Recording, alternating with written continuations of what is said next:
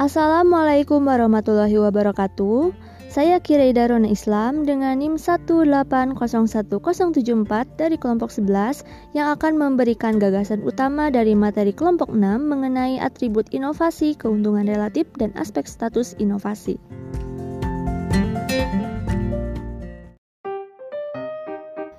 Berdasarkan dengan apa yang sudah saya perhatikan tentang materi kelompok 6 mengenai atribut inovasi, keuntungan relatif, dan aspek status inovasi, maka saya ingin menyampaikan gagasan utamanya.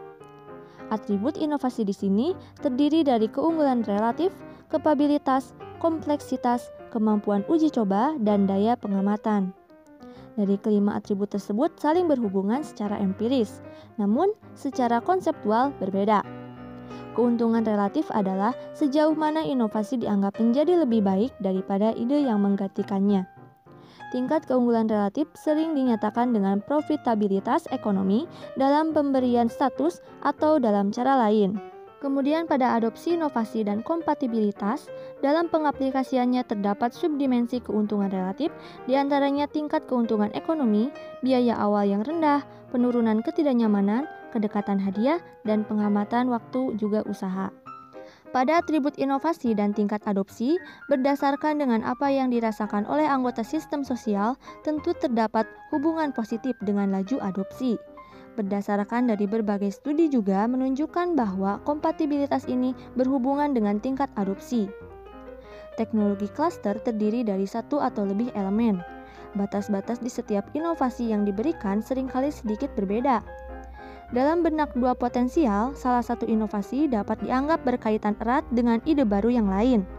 Penamaan inovasi sering kali mempengaruhi kompatibilitas dan tingkat adopsi. Posisi dari sebuah inovasi cukup akurat untuk mengukur kompatibilitas dengan ide sebelumnya. Melihat keberhasilan suatu inovasi yaitu dengan melihat eksistensi dari inovasi tersebut di kalangan masyarakat. Kemudian pada materi tentang efek difusi dan adopsi yang berlebihan. Dapat dikatakan efek difusi adalah tingkat pengaruh yang meningkat secara kumulatif pada individu untuk mengadopsi atau menolak suatu inovasi yang dihasilkan dari pengaruh atau proses dari lingkungan sekitar dalam sistem sosial. Kemudian yang disebut adopsi yang berlebihan adalah adopsi suatu inovasi oleh seorang individu.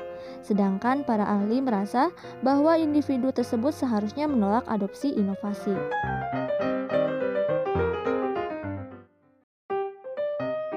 Nah, berdasarkan dengan apa yang sudah kelompok paparkan, maka saya ingin mengajukan pertanyaan kepada kelompok 6, khususnya kepada Saudara Agung Nugraha. Pertanyaannya, bagaimana hubungan antara saluran komunikasi dengan atribut inovasi? Terima kasih. Sekian penyampaian dari saya. Mohon maaf apabila terdapat kesalahan. Wassalamualaikum warahmatullahi wabarakatuh.